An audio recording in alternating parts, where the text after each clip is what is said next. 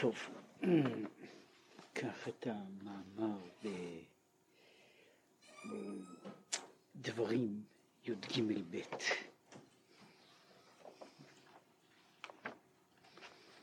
זה אומנם לא שייך, זה שייך ולא שייך לעניין הזמן.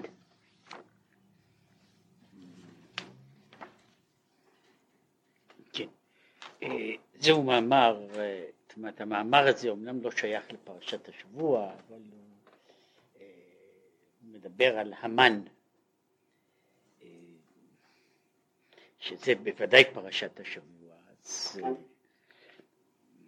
זה קשר אחר לעניין הזה. טוב. ויאכילך את המן, לא, לא ידעו אבותיך, זהו. למען הודיעך כי לא על הלחם לבדו יחיה אדם, כי על כל, פי, על כל מוצא פי השם יחיה אדם. אגב, הדבר הזה כפשוטו ממש, ב, ב, בעצם, בעצם הדברים שנמצאים בפסוק, בעצם הדברים שנמצאים בפסוק, הוא מעמיד כבר את המן בצורה לא רק כתיאורו וכפירושו בתורה, שהוא אה, דבר, אה, דבר ניסי, אה, וביותר ביותר במדרגה ובמהות של היותו, כמו שכתוב בתורה, כתוב במקרא, לחם שמיים, לחם אבירים אכל איש, כן? לחם, ממטיר לכם לחם מן השמיים. הוא למעשה, הוא, הוא פותח, מעמיד פה. אה, מין אה,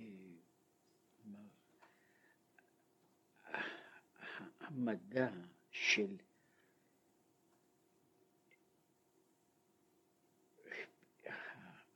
החיים של אבותינו במדבר הם בצד מסוים הם, אה, הם אולי עניין זמני, מקומי, והצד האחר הם בניין או הכנה למה שקורה הלאה, לאחר מכן.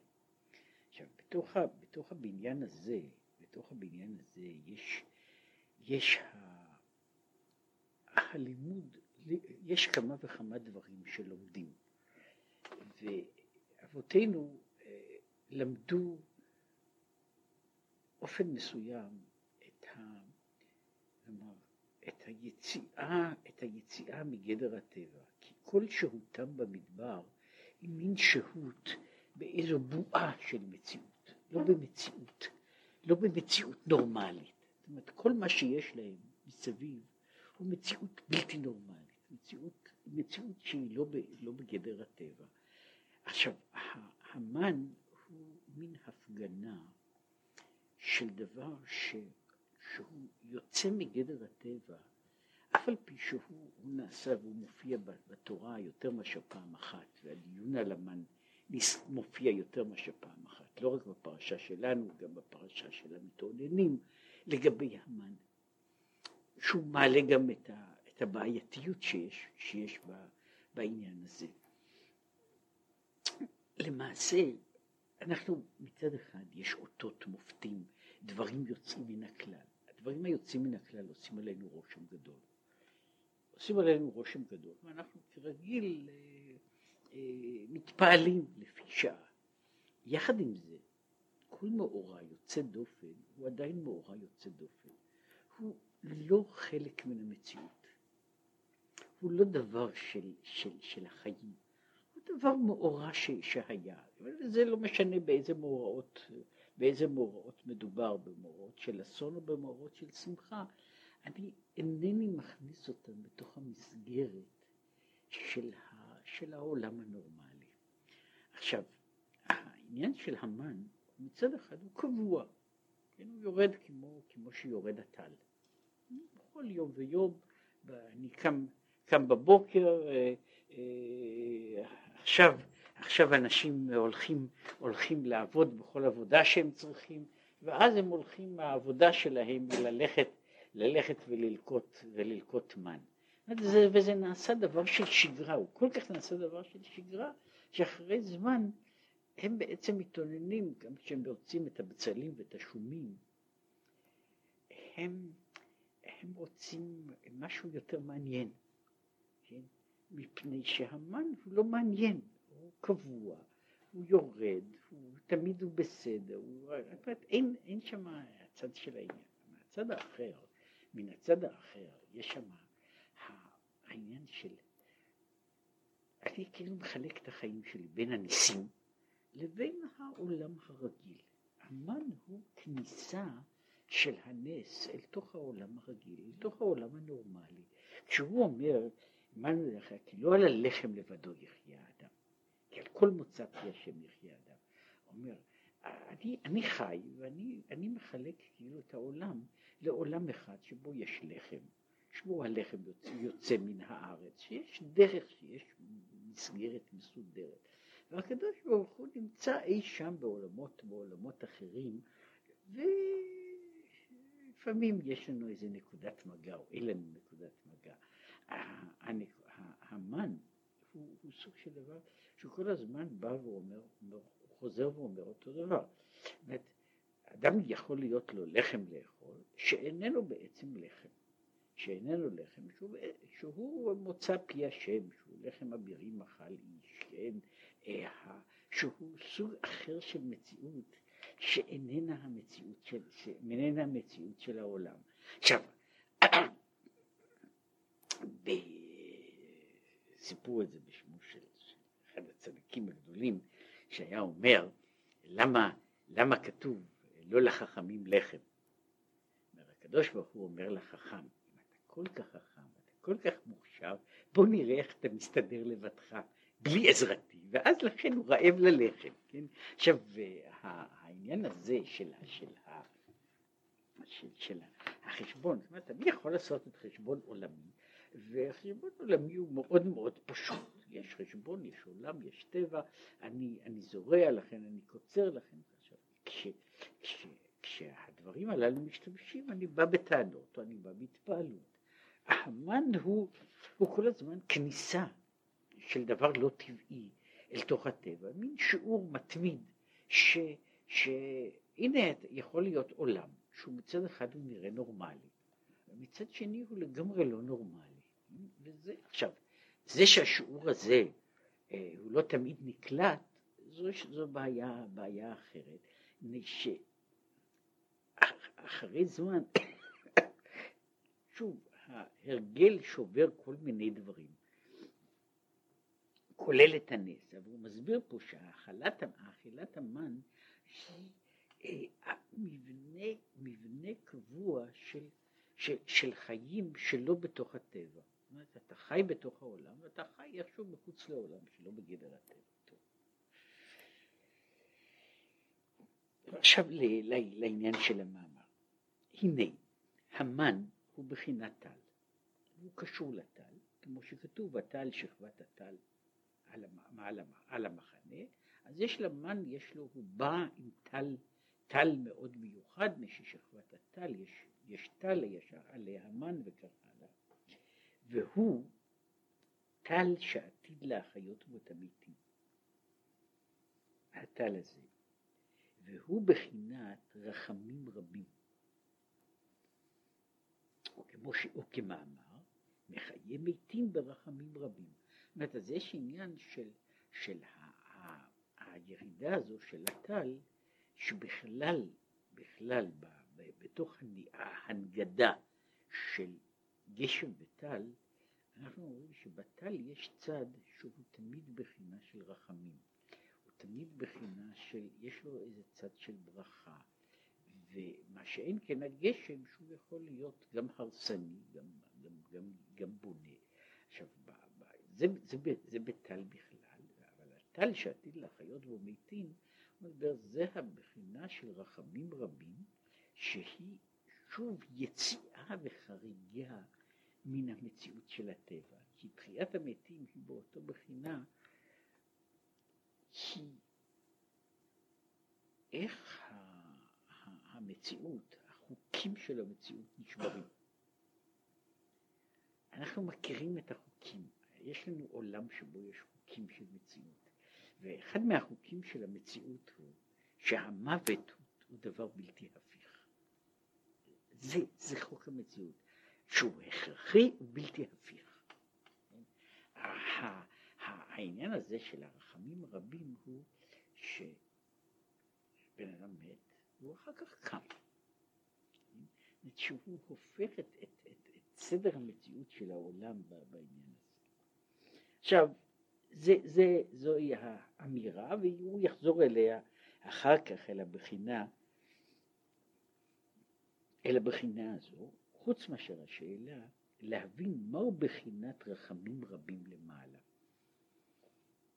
מה זאת אומרת רחמים רבים? מפני שהחלוקה בין רחמים ורחמים רבים היא, היא לא יכולה להיות חלוקה של כמות. אנחנו אומרים כי לא תמו רחמיו, כי לא חלו רחמיו. רחמי השם, כמו שאר מידותיו, הן, הן אינסופיות. לכן רחמים רבים אינם הדבר השונה מן, ה, מן העניין של, של, של רחמים מעטים. לגבי האדם, שהוא מוגדר, מוגבל ותחום, יש לו הבחינה הזו של אומרת, עד כמה מגיעים רחמיי. ויש גבול ששם נגמר העניין הזה. אצל הקדוש ברוך הוא החלוקה בין רחמים ורחמים רבים היא חלוקה של מהות, לא חלוקה של כמות. כן? היא לא חלוקה של כמות. אצלנו יש הבחינה של רחמים רבים, כמו שאנחנו מדברים על העניין הזה של חנון המרבה לסלוח, שהמרבה לסלוח הוא עומד על דבר ש... חיינו תלויים בו במובן אחד, כמה פעמים אדם מסוגל לסלוח? אז יש אנשים כעסנים, יש אנשים סלחנים, יש אנשים שכחנים, אבל יש גבול ליכולת של אדם לסלוח. מישהו, מישהו חטא לי פעם, פעמיים, אני יכול לסלוח. כשמישהו חוטא וחוזר וחוטא כנגדי, אני מפסיק לסלוח לו. הקדוש ברוך הוא חנון המרבה לסלוח, המרבה לסלוח, זאת אומרת, אה, אה, כמו שהוא אומר שם, כי אתה סלחן לישראל, זה, באמת, אני, אני חוטא והוא סולח, אני חוטא והוא סולח, כן? זה חלק מה, מההסכם שלנו עם הקדוש ברוך הוא באיזה מידה. אז זה, זה שייך למה שקוראים לזה, לגודל, לעוצמה של המידה. הרחמים שלי, הסליחה שלי, הם מוגבלים מצד, מצד עצמם. ואינני יכול לעבור מעבר לגבול שלי. אצל הקדוש ברוך הוא זה לא כך. לכן הוא מחלק בין רחמים ורחמים רבים, שאומר שרחמים רבים הם מהות אחרת, מהות אחרת מאשר רחמים סתם.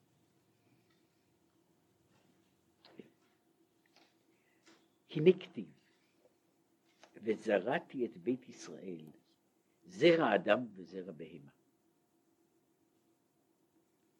ופירושו, שיש שני מיני נשמות, בחינת אדם או בחינת בהמה. כל יוצא אומר, גם בתוך זרע ישראל יש זרע אדם ויש זרע בהמה.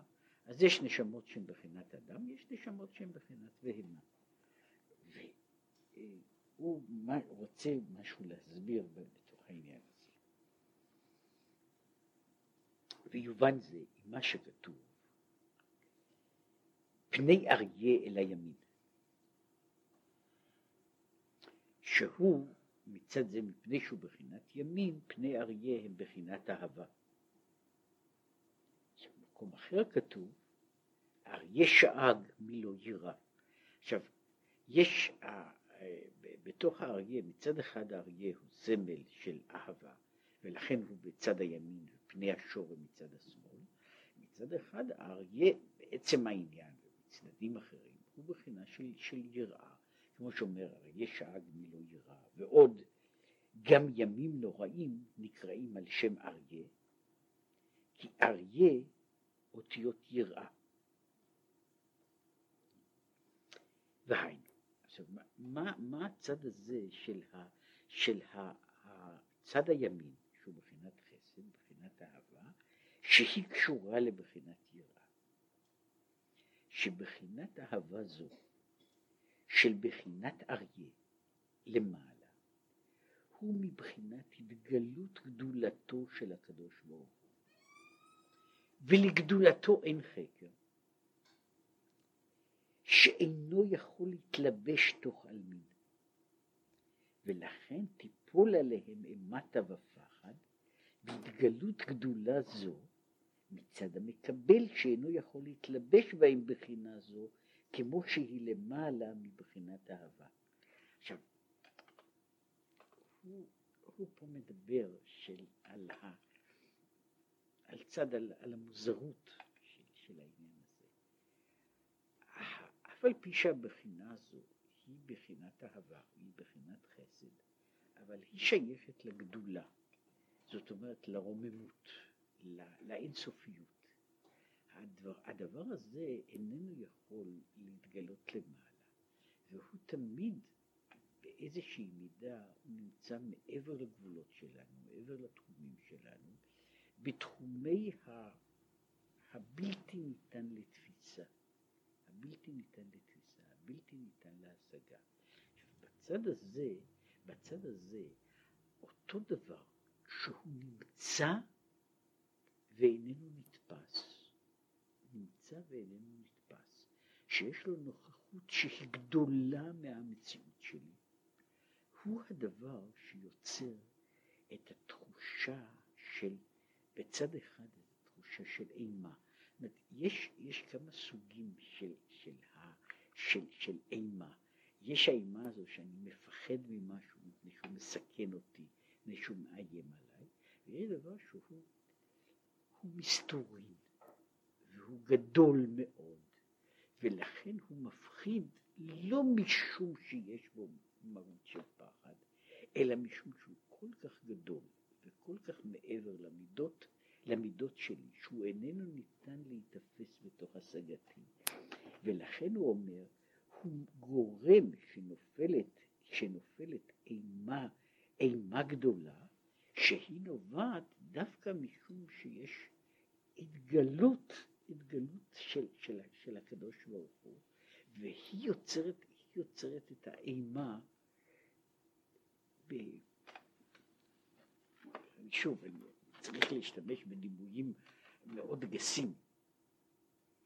כשאני רואה אדם שמחייך אליי, בדרך כלל יש לי תגובה, תגובה חיובית, זה כנראה כלל עולמי. זאת אומרת, זה לא, לא שאלה של, של מקום מסוים, אנשים מגיבים ככה בכל מקום. עכשיו, אה, אם, אם הייתי רואה שמישהו מחייך אליי והוא גדול כמו הר, כן? כן? אז החיוך הזה הוא אמנם חיוך, אבל הוא עכשיו כבר נעשה מפחיד. זאת תתאר לעצמי דבר כזה שהוא גדול כמו הר גדול, כן? והוא מחייך. כן, עכשיו העובדה שהוא מחייך היא לא מוסיפה, היא לא מפחיתה מן האימה. היא, היא יוצרת הרגשה, הרגשה שהיא מצד אחד, לא, זה לא אימה שאני חושש לעצמי, אבל אני עומד מול, מול דבר שהוא גדול הרבה מעבר, מעבר, ל, ל, מעבר ל, למהות שלי. עכשיו הוא אומר שההתגלות של החסד האלוקי באשר היא התגלות, היא התגלות, היא, היא מבחינת הגדולה. ובחינת הגדולה היא בעצמה מעבר לגבולות, מעבר להגדרות, ולכן היא, היא יוצרת את האימה לא באשר היא מאיימת, אלא משום שהיא מעבר, היא כל כך גדולה, היא כל כך בלתי ניתנת להשגה, שהאיום שלה הוא בעצם נוכחותה.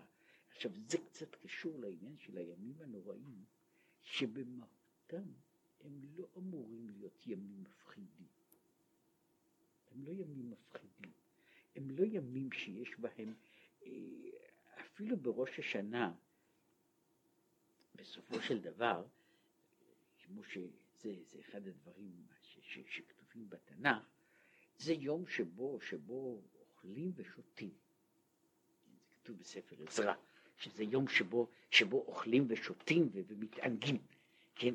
עכשיו, ביום הכיפורים הוא צריך היה להיות יום שהוא כולו מפויס, שהוא יום של סליחה ומחילה. אבל הדברים הללו באים בהיקף כל כך גדול, בבחינה של שגב בחינה של גדולה, שהם נעשים נוראים לא משום שהם, שהם בגדר ההגבלה והדין, אלא בעיקר משום שהם מעבר לגבולות, מעבר להשגה. ואני נוגע באיזה דבר שהוא הרבה הרבה מעבר למידות שלי, מעבר ליכולת שלי להשיג. וזו זו, זו יצירה של הוויה שהיא, שהיא, שהיא, שהיא דו-משמעית, שהיא באשר היא גדולה, לכן היא גם, היא גם יוצרת את האימה. ועל דרך המבואר במקום אחר, המשל מחותם בולט נעשה על השעווה כשאני לוקח חותמת בולטת ומחתים בה דבר, דבר שהוא כמו שהיו עושים חותמות בשעווה או בחומר אחר. עכשיו, שהוא, שיש, נעשה על השעווה צורת חותם שוקע. כך התגלות גדולתו של הקדוש ברוך הוא נמשך למטה בעולמות בחינת יראה. זאת אומרת, משהו מלמעלה, הבחינה, זאת אומרת, מה שבחותם הוא החלק הבולט, הוא נעשה בדבר הנחתם, הוא נעשה החלק השקוע, ולהפך.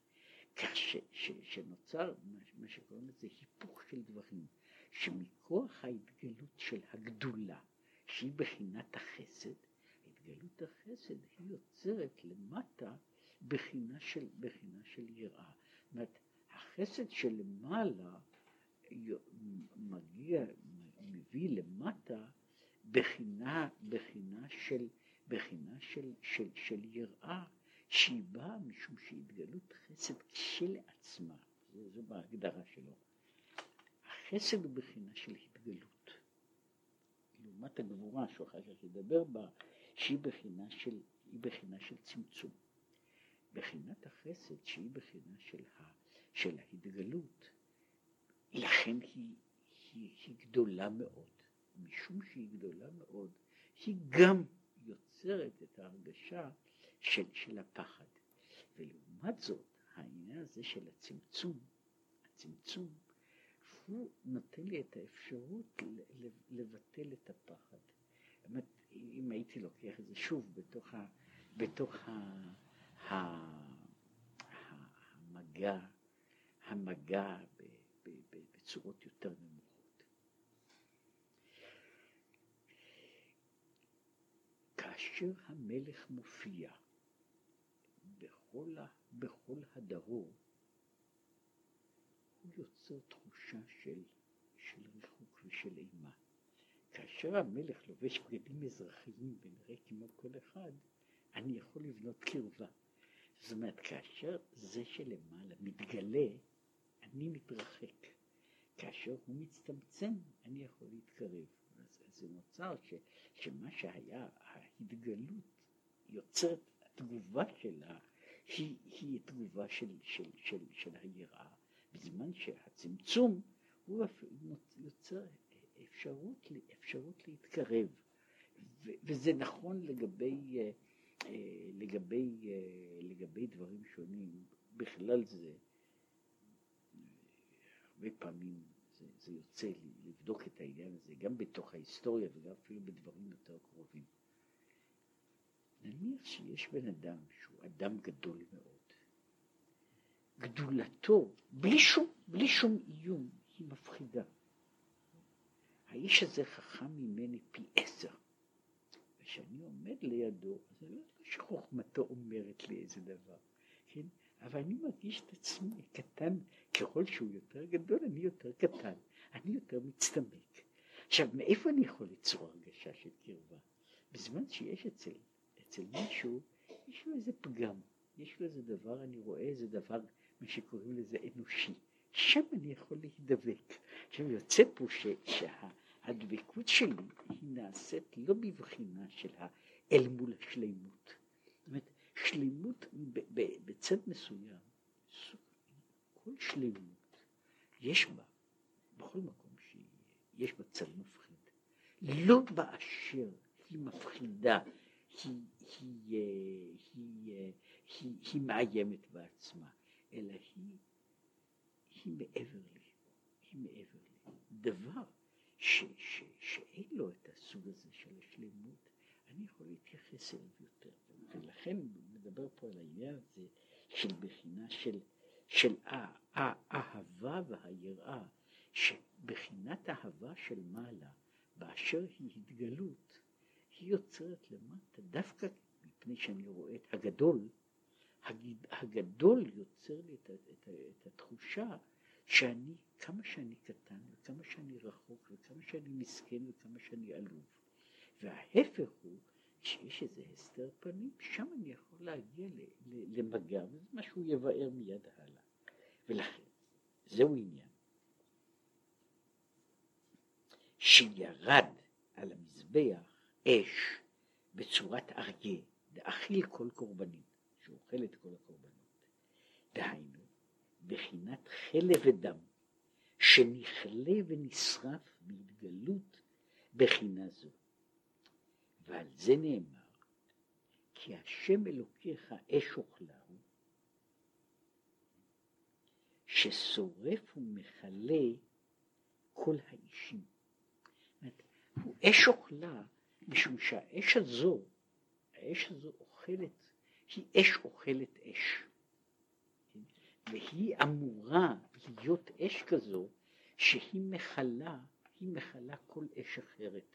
היא מכלה, ופה יוצא אה, שוב אה, דבר שהוא, שזה הדימוי המפורסם של, שאש קטנה ליד אש גדולה בטלה אל, אל, אל האש הגדולה. האש של הקדוש ברוך הוא שורפת היא מכלה את כל האישים, את כל האישים, האישים מה, מה, מה, מהסוגים האחרים. וככל שהאש הזו היא יותר, היא יותר גדולה, היא גורמת, היא גורמת בפועל ליותר, ליותר, היא, היא מכלה לא באשר היא הרסנית, היא מכלה באשר היא קיימת. הקיום שלה הקיום שלה, הגדולה שלה, היא מאפילה או מסתירה או מגמדת את כל הדברים האחרים עד שהם נשאבים, נשאבים אל תוכה. וזה הבחינה של אש אוכלה אש, שאומר, מדבר את זה, זה החלק הזה שהוא מדבר על הקורבן ועל החלב האדם, אומר, כשיש, כשאדם נמצא בהתקרבות בהתגלות של הקדוש ברוך הוא. ההתגלות הזו בצד מסוים היא מכלה את כל שאר ההתלהבויות שלו, את שאר, את שאר, את שאר ההתרגשויות שלו. הן כולן קלות בתוך זה. אני אפילו, וזו דרגה שהוא מדבר אליה, עליה, אפילו דרגה של אהבה, אפילו אהבת השם איננה יכולה להתקיים בצד הזה אל מול, ה, אל מול ההתגלות שלו. לכן, אה, וירא העם וינועו ויעמדו מרחוק. הדבר הזה הוא כל כך גדול שהוא הוא יוצר, הוא יוצר, הוא יוצר רתיעה, הוא יוצר, הוא יוצר את מה שקוראים לזה שריפה וכיליון, למרות שהוא בעצמו הוא רק נתינה, הוא רק נתינה ואהבה, אבל האהבה הזו היא הרבה מעבר לגבולות שאני יכול לעמוד בהם. ולכן, לכן האהבה הזו היא בצד מסוים, אם נאמר את זה, התגובה היחידה, היחידה שאני, שאני מגיב היא, היא, אם אני רוצה איכשהו להתקיים, אני, אני, אני מזדעזע, אני חוזר אחורנית, אני, אני נרתע, אני נרתע, אני נרתע נרתע, לא מפני שאני מבוהל, אלא מפני שאני מתקטן, ו- וקיומי, קיומי הולך, הולך מיד לפוג. עכשיו, ולהפך, להפך. ובחינת אהבה מקבלים כל העולמות מבחינת פני שור שמהשמאל, שהוא בחינת גבורה.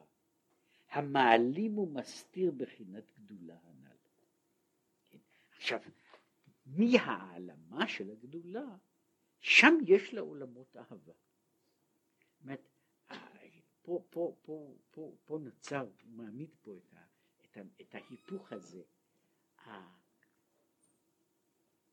היראה באה מצד התגלות האהבה. התגלות הגבורה, היראה באה מצד התגלות האהבה. האהבה באה מצד התגלות של הגבורה, מפני שהגבורה היא בעצמה צמצום, הגבלה, הגדרה. בתוך ההגבלה הזו, שם אני יכול, אני יכול איכשהו, אני יכול איכשהו לגדול, להתפתח. אה, שוב, רק ל, ל, ל, כדי להסביר את העניין הזה, ב, ב, במובן, שוב, אפילו במובן ה, של, של החוויה האנושית. האמת היא, את מה, מה אני יכול לאהוב? מה אני יכול לאהוב? עכשיו, יכול להיות, בן אדם יכול לאהוב כל מיני דברים, אבל כדי שיהיה מושא, אובייקט לאהבה, הוא צריך להיות כזה שהוא נמצא בתוך סדר הגודל שלי. וכל עוד הוא בתוך סדר הגודל שלי, אני יכול לבנות קשר של אהבה. קשר של אהבה. כשדבר איננו בתוך סדר גודל שלי, אז אנחנו רגילים הרבה פעמים לעניין הזה שלא יכולה להיות אהבה כשמשהו נמצא הרבה מתחת לי. שנמצא דבר הרבה מתחת לי, ולכן אינני יכול לאהוב אותו מפני שהוא לא בדרגה שלי. אני יכול להיות, אני יכול לפתח כל מיני רגשות, אבל אני לא יכול לאהוב, מפני ש, ש, שהדבר הזה, זה קשה, אני לא מאמין שהיה, שהיה בן אדם ש, ש, שהתאהב בחיידק. לא, לא חיידק, לא, לא סטרפטוקוקוס ולא חיידק אחר, כן? אומרת, אני לא יכול, אנחנו לא נמצאים באותו סדר גודל, למרות שיכול להיות שבן אדם יאהב כלבלב, מפני שהוא קרוב יותר, זה, זה יש גבול, יש גבול לעניין הזה, שמשהו נמוך מעבר לגבול מסוים, הוא לא ניתן, אני לא יכול לאהוב אותו. אבל זה נכון גם, למרות שאנחנו לא תמיד נתקלים בזה, שגם אינני יכול לאהוב מה שנמצא הרבה מעבר לדרגה שלי. מפני שאהבה, וזה מדובר בכמה מקומות, בתוך כל אהבה יש איזה, איזה נקודה או איזו תחושה ואיזו הוויה של יש, אני, אני אוהב, אני אוהב, וכדי שאני אוכל לאהוב, אנחנו צריכים להיות באיזושהי מדרגה. עכשיו, שמה שנמצא מעל ומעבר למדרגה שלי, אני יכול לפתח רגשות אחרים. אני יכול לעמוד ולהשתחוות. אני יכול להתבטל לגמרי, אבל אני לא יכול להעיז, להעיז כדי להגיע למדרגה של אהבה. כן? אם משהו נמצא מעבר, מעבר, מעל ומעבר למדרגה שלי, שזה אגב, זה קורה, זה הרבה פחות מצוי אצל בני אדם. בין השאר שה... ההבדלים הם, הם, הם, הם הרבה פחות, פחות גדולים. אבל אם אני פוגש מישהו שהוא נמצא כל כך גבוה מעליי, אני יכול לפתח כל מיני רגשות, אבל לא אהבה. אני יכול לפתח, לפתח רגשות של הכנעה גמורה, של התבטלות בתכלית, אבל אני לא יכול לאהוב, מפני שזה זה לא בתוך התחומים שלי שאני יכול לאהוב אותו. מתי אני יכול לאהוב? שאנחנו נמצאים פחות או יותר באותה מידה. אבן עזרא, שהוא מדבר על, על, על בעיה אחרת, אה, בעיה, הוא, הוא דן בשאלה הזו של איך אפשר לה, ש, שתהיה, שיהיה בתורה ציווי שלא תחמוד. כן? אפשר לדבר על לא תחמוד, לא תחמוד אשת רעך. מה אעשה אם היא, אם היא יפה ונחמדה?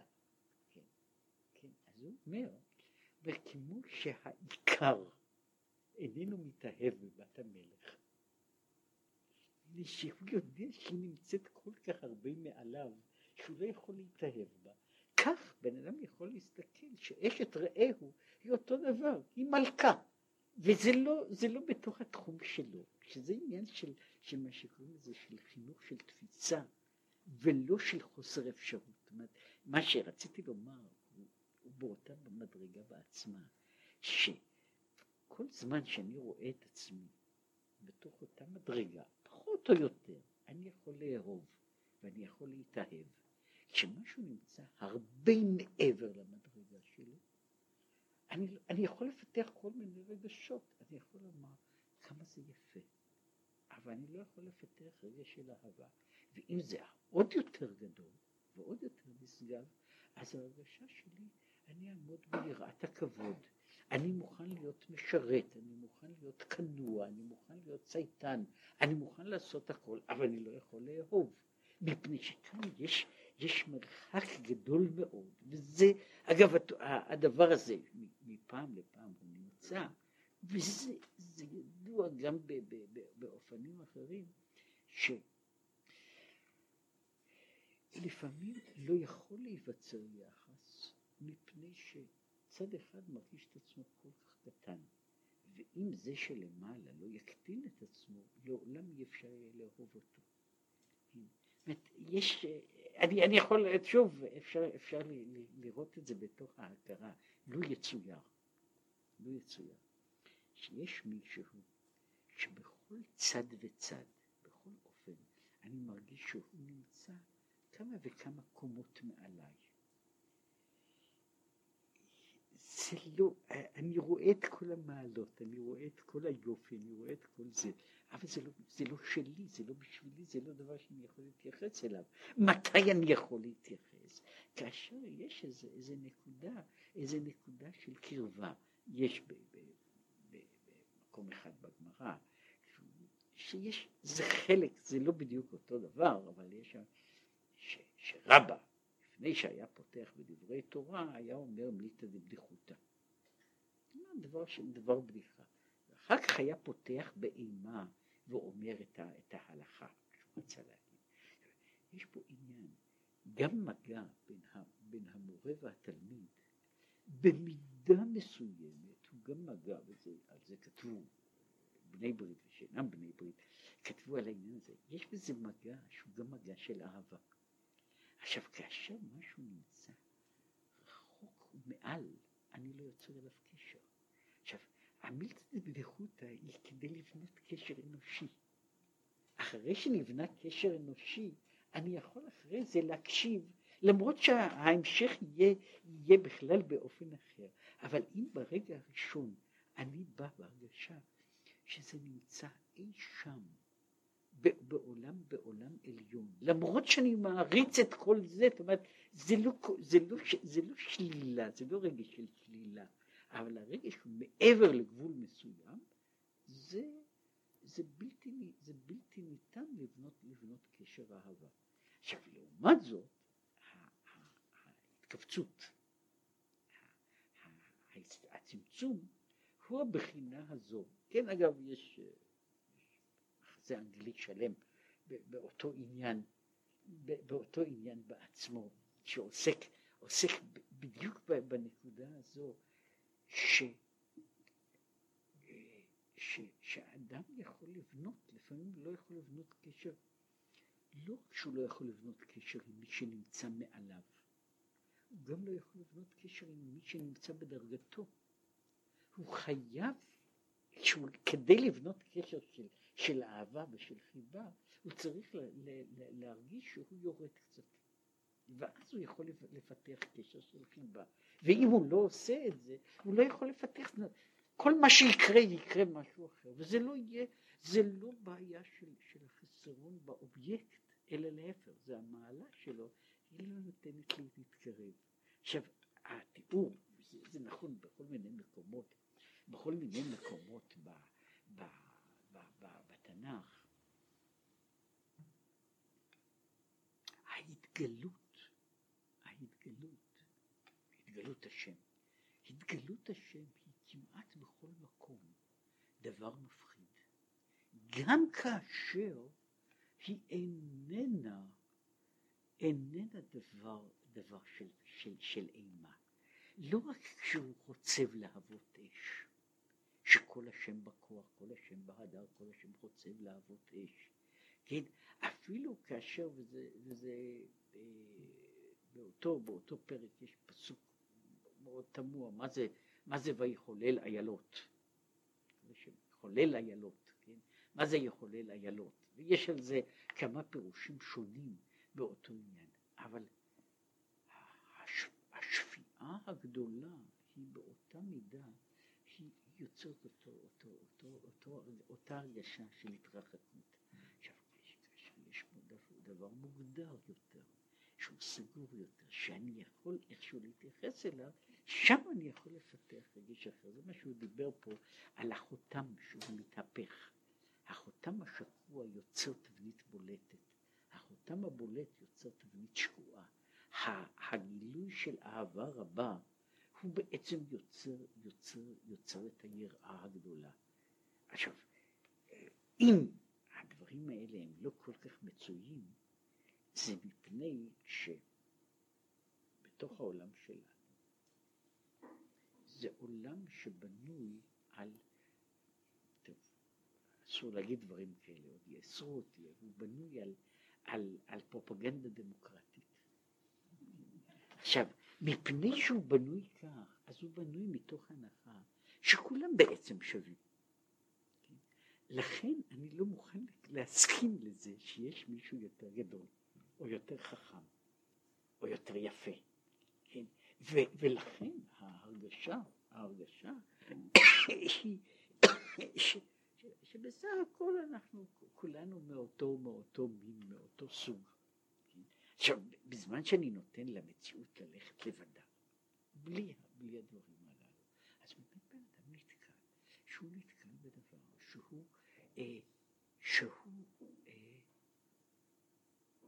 מפחיד, הוא מפחיד, הוא, אה, אה, אני, אני, אה, זה לא רק הביטוי הזה, שהוא ביטוי אגב, הוא מעניין שהוא קיים בכל השפות, שמשהו נורא יפה. נורא יפה. אבל זה מופיע אפילו בשיר השירים. יש שם איומה כנתגלות. אז יש, יש, יש דבר כזה שהוא כל כך יפה עד שהוא מפחיד. זה מפחיד מפני שזה יפה, לא, זה לא מפחיד מפני שיש לזה פנים של שד, זה מפחיד מפני שזה יפה, זה מפחיד מפני שזה מושלם. וככל שהשלמות הזו היא יותר, היא יותר גדולה, היא יוצרת, היא לא יוצרת הרגשת שלילה, אבל יוצרת הרגשה, אני לא יכול להיות קרוב לזה. ולהפך, כשיש משהו, הבעיה, הפגימה, החיסרון הקטן, הם יוצרים את, ה, את היכולת לבנות, לבנות, לבנות קשר, לבנות קונטקט.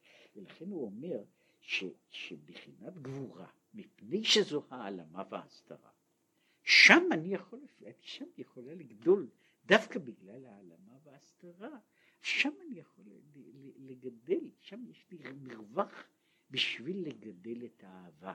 ולכן כאשר כדי שהאהבה הזו, כדי שהאהבה הזו ת, ת, ת, תתגלה, אז לפעמים יש צריכה להיות, צריכה להיות, הקדוש ברוך הוא יכול מקטין את עצמו כדי שאפשר יהיה לאהוב אותו.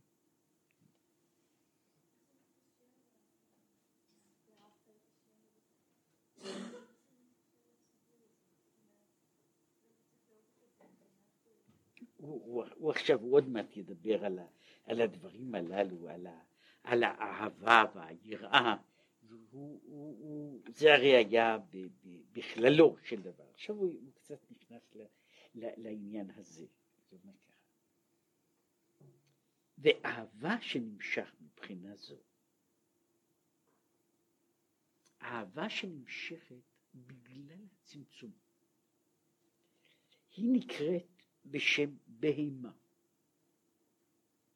לשון נוקבה שמקבלת מבחינת פני השור.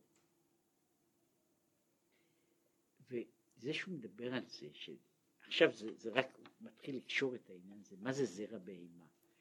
יש אנשים שהם בבחינה הזו, הם מלאים אהבה, אבל זוהי אהבה שהיא נובעת בעצם משהו, משהו יכול לאהוב, זה בא מחמת הצמצום של מעלה, לא מחמת הגילוי של מעלה. ומכוח זה יכולה, יכולה להיווצר אהבה, כמו שהוא מיד אומר את זה, ונקראת אהבה זו אהבת עולם.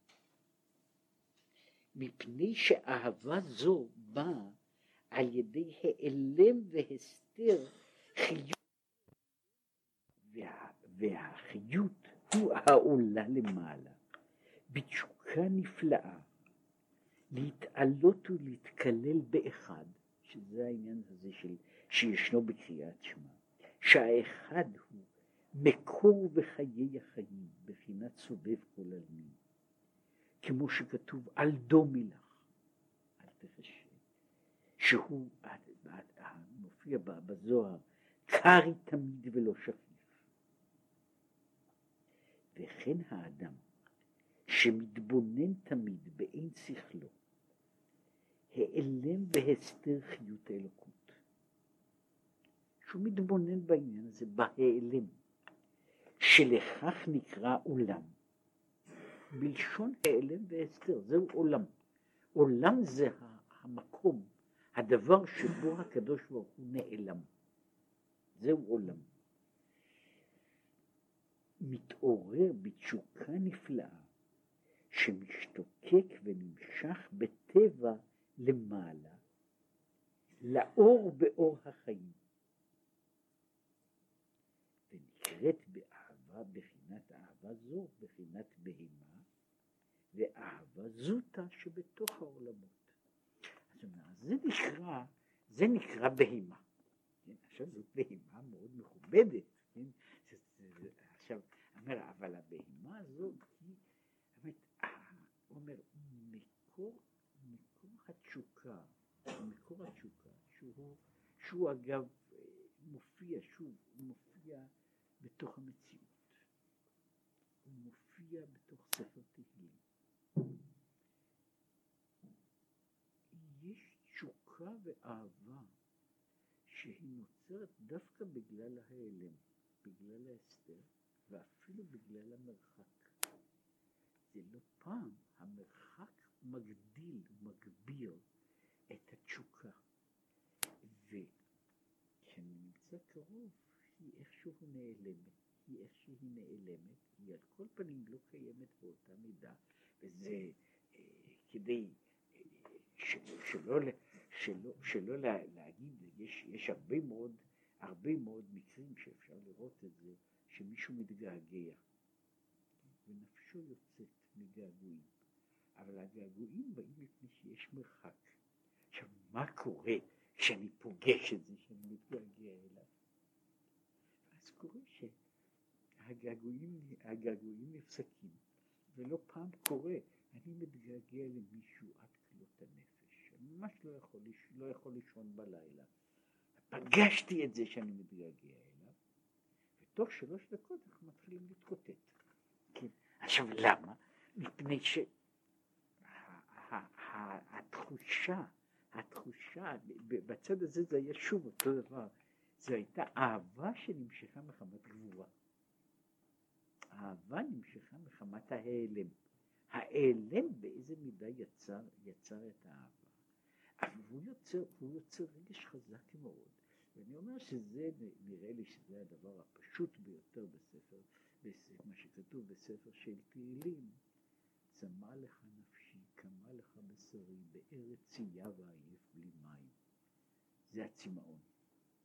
ואחר כך, ואני חושב שצריך להבין את זה בתור ביטוי של תפילה, כן בקודש חזיתיך, לראות אותך, עוזך ועובדיך, הלוואי כך יהיה כשאני אהיה בקודש. כשאני נמצא במדבר, בארץ צייה ועייף בלי מים, צמאה לך נפשי, צמאה לך בשרי. עכשיו אני כבר הגעתי קרוב, כן? אני עכשיו נמצא בתוך הקודש. הלוואי הייתה לי אותה תשוקה כשאני בתוך הקודש, כמו שהייתה לי כשהייתי רחוק. עכשיו, הוא מדבר פה על העניין הזה, הוא, הוא מדבר על, ה, על הבחינה, על, על הבחינה הזו, שהוא, הוא אחר כך ממשיך ודן בה מצדדים שונים, לפי זה כשהוא מדבר על זרעתי את זרע, את, את זרע ישראל, אה, זרעתי את בית ישראל, זרע אדם וזרע בהמה, אז הוא אומר, הם בעצם זה שני טיפוסים, שני אנשים, ומה שהוא קורא זרע בהמה, אלה הם בני אדם שהם פועלים כמו בני אדם. והפעולה שלהם בתור בני אדם היא שהמרחק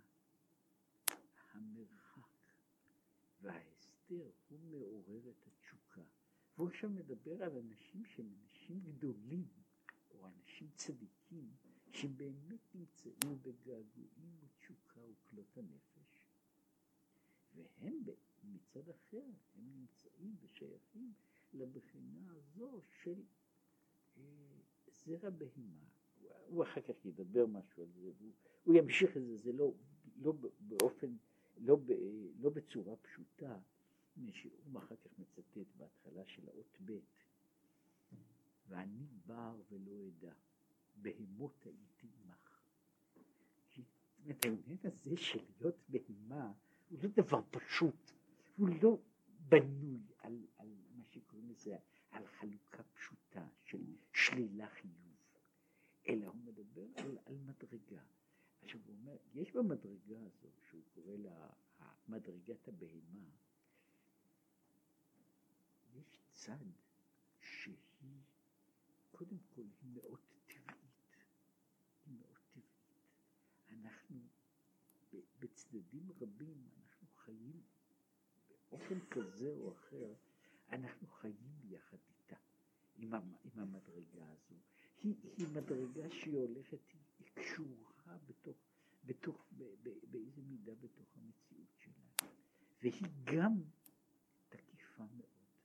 עכשיו, מבחינה אחרת של זרע האדם, האם יכול להיות שתהיה לבן אדם קרבה כשהוא קרוב? שתהיה קרבה גם כשהוא קרוב, לא רק כשהוא רחוק.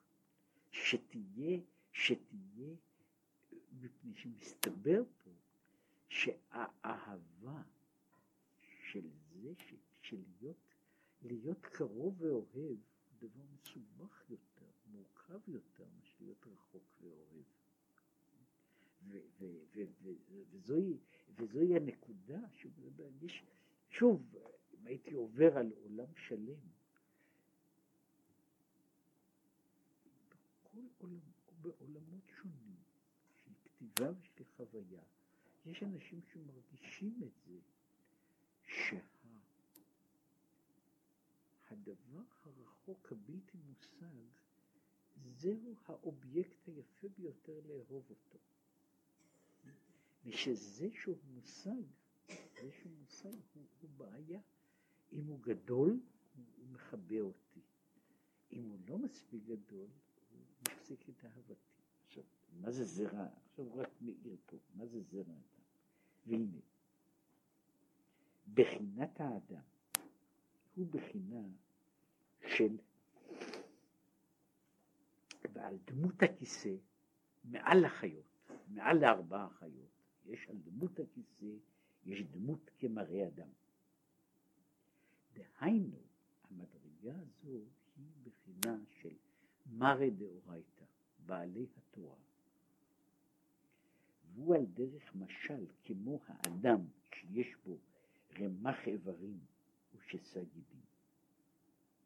מה שאין כן איברי בהמה, אין בהם מספר זה. כך התורה היא רמ"ח מצוות עשה, וששא מצוות לא שהיא בחינה גבוהה מאהבה ויראה. שאהבה ויראה הם רק בחינה של גדפים, כנפיים, לפרחה לעילה במקום התורה. זאת אומרת שהם הכנפיים שבהם הנפש עולה למעלה, והתורה היא בעצמה נמצאת למעלה. עכשיו, הוא מדבר פה על היחס מחלק אותו פה של, של אדם ובהמה. הבחינה הזו של אדם כוללת בתוכה, שזה דבר בצד מסוים מפחיד, היא מדרגה כמעט בלי אמוציה. היא מדרגה בלי, כמעט בלי התרגשות, מפני שהיא מדרגה של התאחדות. היא מדרגה של התאחדות. מפני שהיא מדרגה של התאחדות, היא באמת לא כוללת בתוכה בצד אחד לא אהבה ולא יראה. והיא, יש בה צד שהוא בבחינה מסוימת, הוא, הוא צד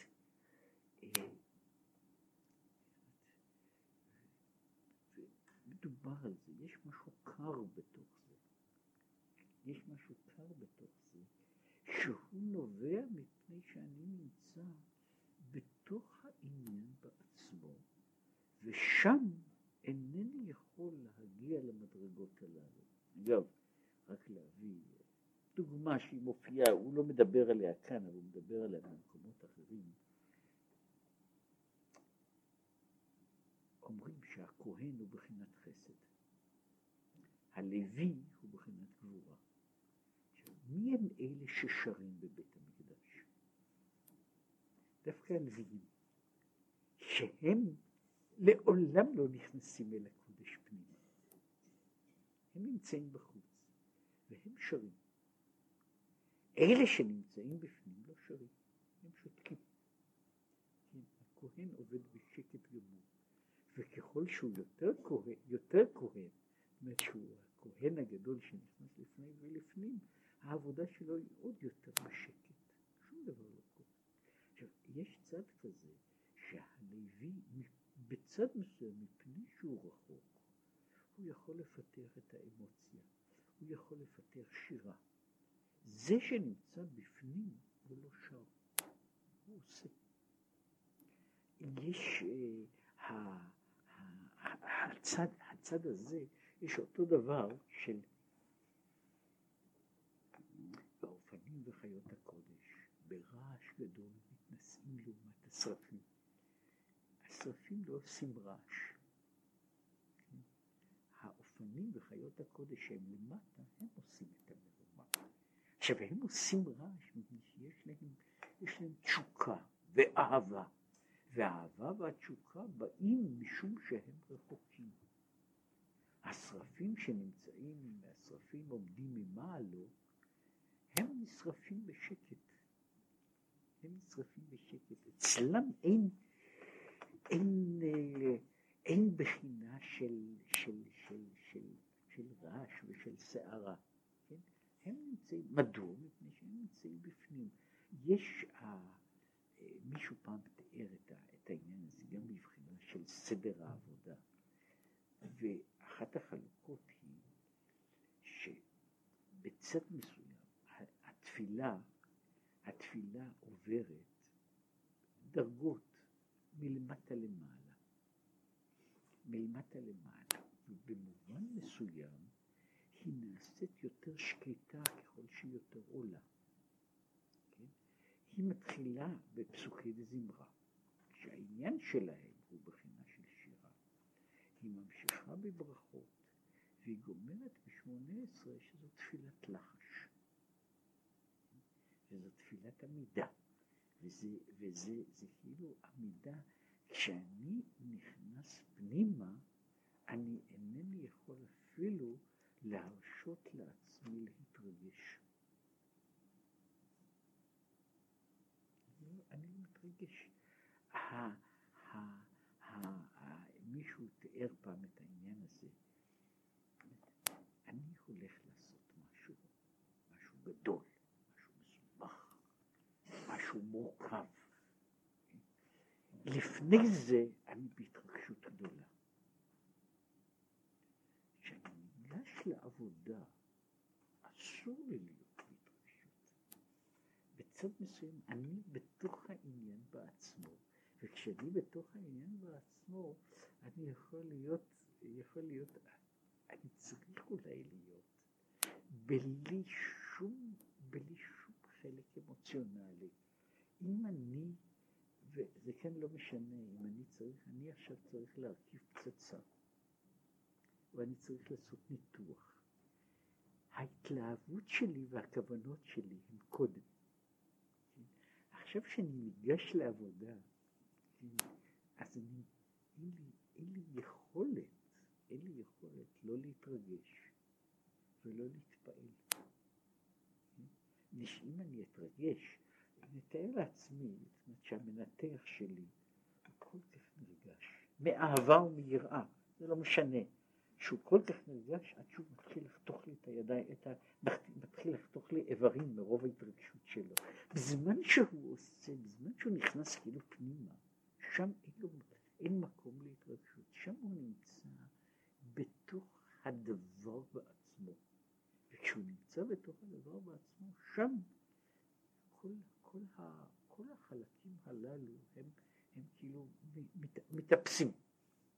מתאפסים. זה מה שהוא אומר, שהבחינה הזו של תורה, שהיא בצד אחד, היא נקודה של התאחדות, של הזדהות. היא כוללת בתוכה את העניין הזה שבעצם היא לא בנויה, אין בתוכה אהבה ויראה. היא, מה שקוראים לזה, דבקות אל, אל, אל תוך הדבר בעצמו. עכשיו, כשהוא מחלק על, על זרע אדם וזרע בהמה, אז מחלק פה. זרע אדם הוא היצור השכלי, במובן מסוים, יצור שכובש את הרגש שלו, אם יש לו בכלל.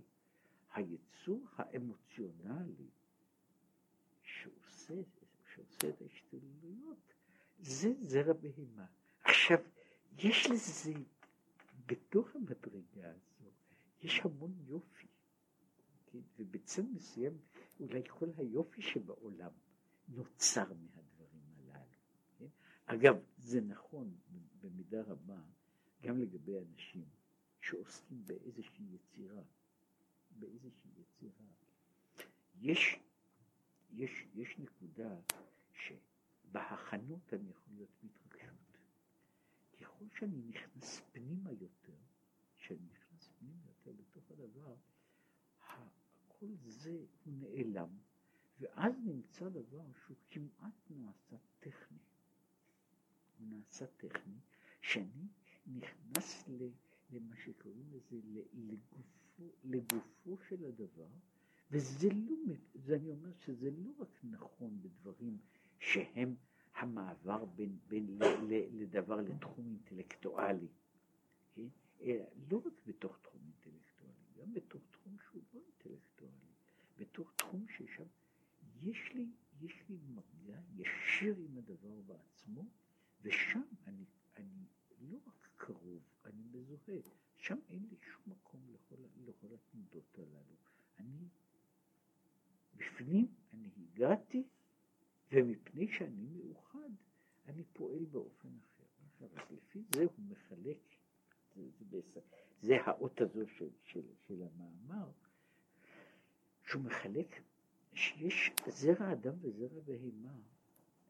זו, יש, יש האנשים שחיים על ההתרגשויות. וההתרגשות הזו מגיעה, וזה רק בשביל לומר את זה, שקר תמיד ולא שכיח. הוא מתעורר בתשוקה נפלאה שמשתוקק ונמשך לאור באור החיים. כן? אז הוא לא, הוא לא מדבר על זה ב, ב, ב, באיזה מדרגה של, של, של נחיתות, אלא הוא אומר, זוהי מדרגה אחת, וזוהי המדרגה של, של מי שנמצא מרחוק. שהוא נמצא מרחוק, כן? כשהוא נמצא בתוך, במוקד של הדברים, שם כל התנועה נפסקת. זו אגב אחת הבעיות בדברים רבים, גם בתוך המציאות, גם בתוך המציאות וגם אפילו בתוך, בתוך, בתוך דברים מופשטים כמו פונקציות.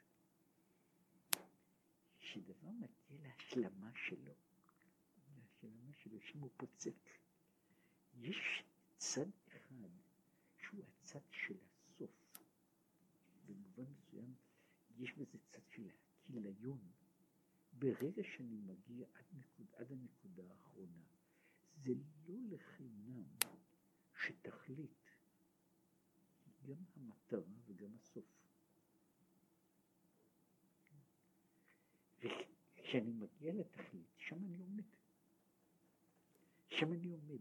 שכל זמן שאני הולך אל התכלית, אני עוד נמצא בתנועה. כשאני מגיע אל, אל התכלית, שם אין יותר תנועה.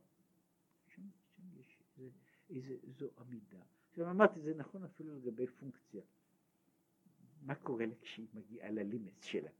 כשהיא, כשהיא מפסיקה לנוע, היא מפסיקה לזוז, היא נעצרת. היא נעצרת, היא מגיעה לגבול. עכשיו, זה, זה בעצם, מה קורה כשדבר מגיע לגבול? לפעמים כשמגיע לגבול, מגיע לגבול, הוא מגיע שווה אפס. עכשיו, לפני זה, לפני זה יש לו ערך. כשהוא מגיע לקצה האחרון עכשיו הוא, עכשיו, עכשיו הוא משנה בכלל, יש שינוי גמור של המשמעות. עכשיו, זה כשהוא מחלק את הדברים האלה, אלה שני סוגים, הם גם דרכי עבודה שונות. בצד מסוים הם גם דרכים שונות של, שהוא קורא לזה, של, של דרכים שונות של, ש, ששייכות למהות הנפש, בין, בין אלה ש, ש, שהם נכנסים לעשות את, ה, את, ה, את, ה, את, הדבר, את הדבר שלהם, ואם יש לו איזושהי אמוציה, היא אמוציה כבושה. בצד אחד היא מגיעה למדרגה, וזה שוב, זה, זה נכון בכל מיני, בכל מיני חוויות, באהבה וביראה. יש גבול שבן אדם מפחד. יש גבול שהוא מפסיק לפחד. הוא מפסיק לפחד. זה אותו דבר גם באהבה. יש גבול ששם, לרגע שאין יותר משמעות, הוא יהיה כל כך קרוב אל נקודת הסיום שלו, שאין לו יותר משמעות. יש, ואני אסיים בזה. ב... יש אה, דיון, דיון חסידי על העניין הזה, שרבן יוחנן בן זכאי הולך למות. הוא, אה, הוא אומר כל מיני, הוא בוכה, והוא אומר, אני לא יודע באיזה דרך מוליכים אותי, לגן עדן או לגיהנום. והתלמידים עומדים מסביבו ואומרים לו, רבינו, נר ישראל, עמוד הימני, כן? אתה צריך לדאוג, כן?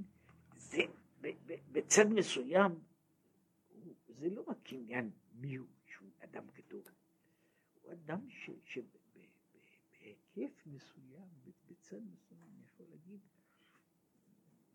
יש באיזה נקודה אפשר להגיד שכל הקיום של עם ישראל בנקודה, מן החורבן והלאה, ההמשך, היה תלוי באישיות שלו. תלוי באישיות שלו.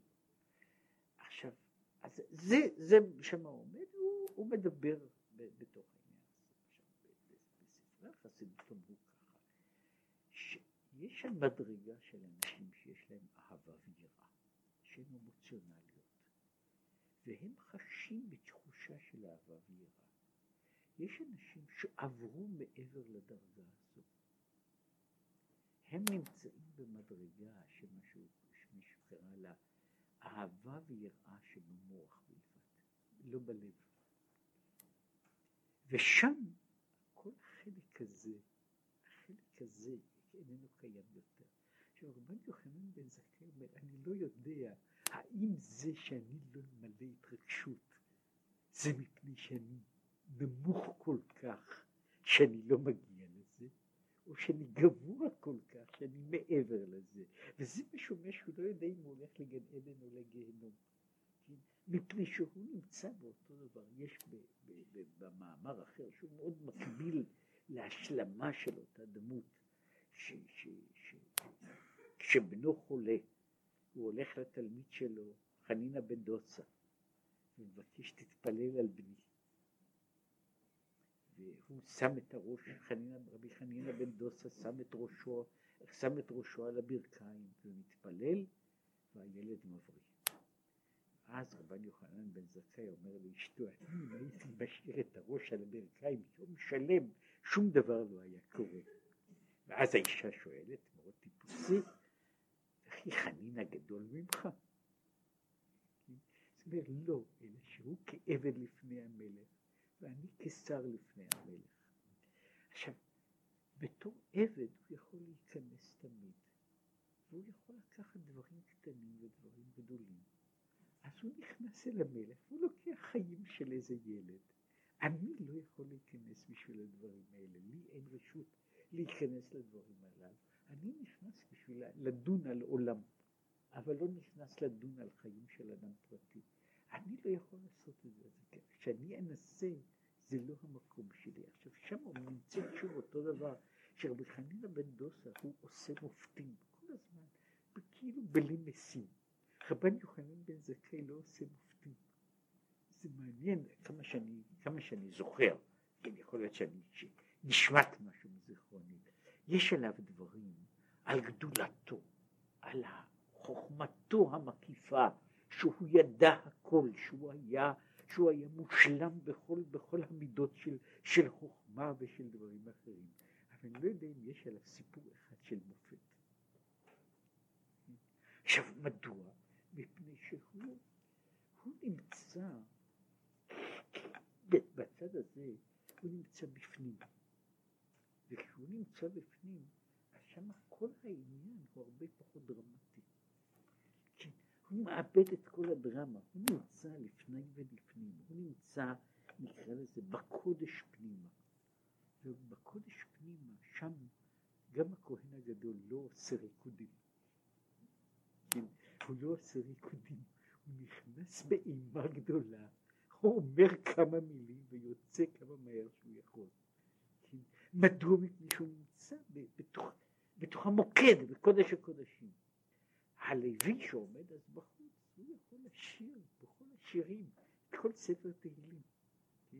אבל הוא לא יכול, כשהוא נכנס פנימה, שם, שם יש הדבר הזה, וזה זה מה שהוא מחלק פה, החלוקה. לכן לא חלוקה פשוטה של, של מה שקורא לזה, של, של אנשים טובים ואנשים רעים, או אנשים נמוכים ואנשים גבוהים. הוא מדבר פה על, יש שני סוגים של נפשות, וזה בית ישראל בנוי משני הסוגים הללו. הוא בנוי משני הסוגים הללו, במובן מסוים אנשים פרטיים בנויים משני הסוגים הללו, וזה מה שאומר, וזרעתי את בית ישראל, זרע אדם וזרע בהמה.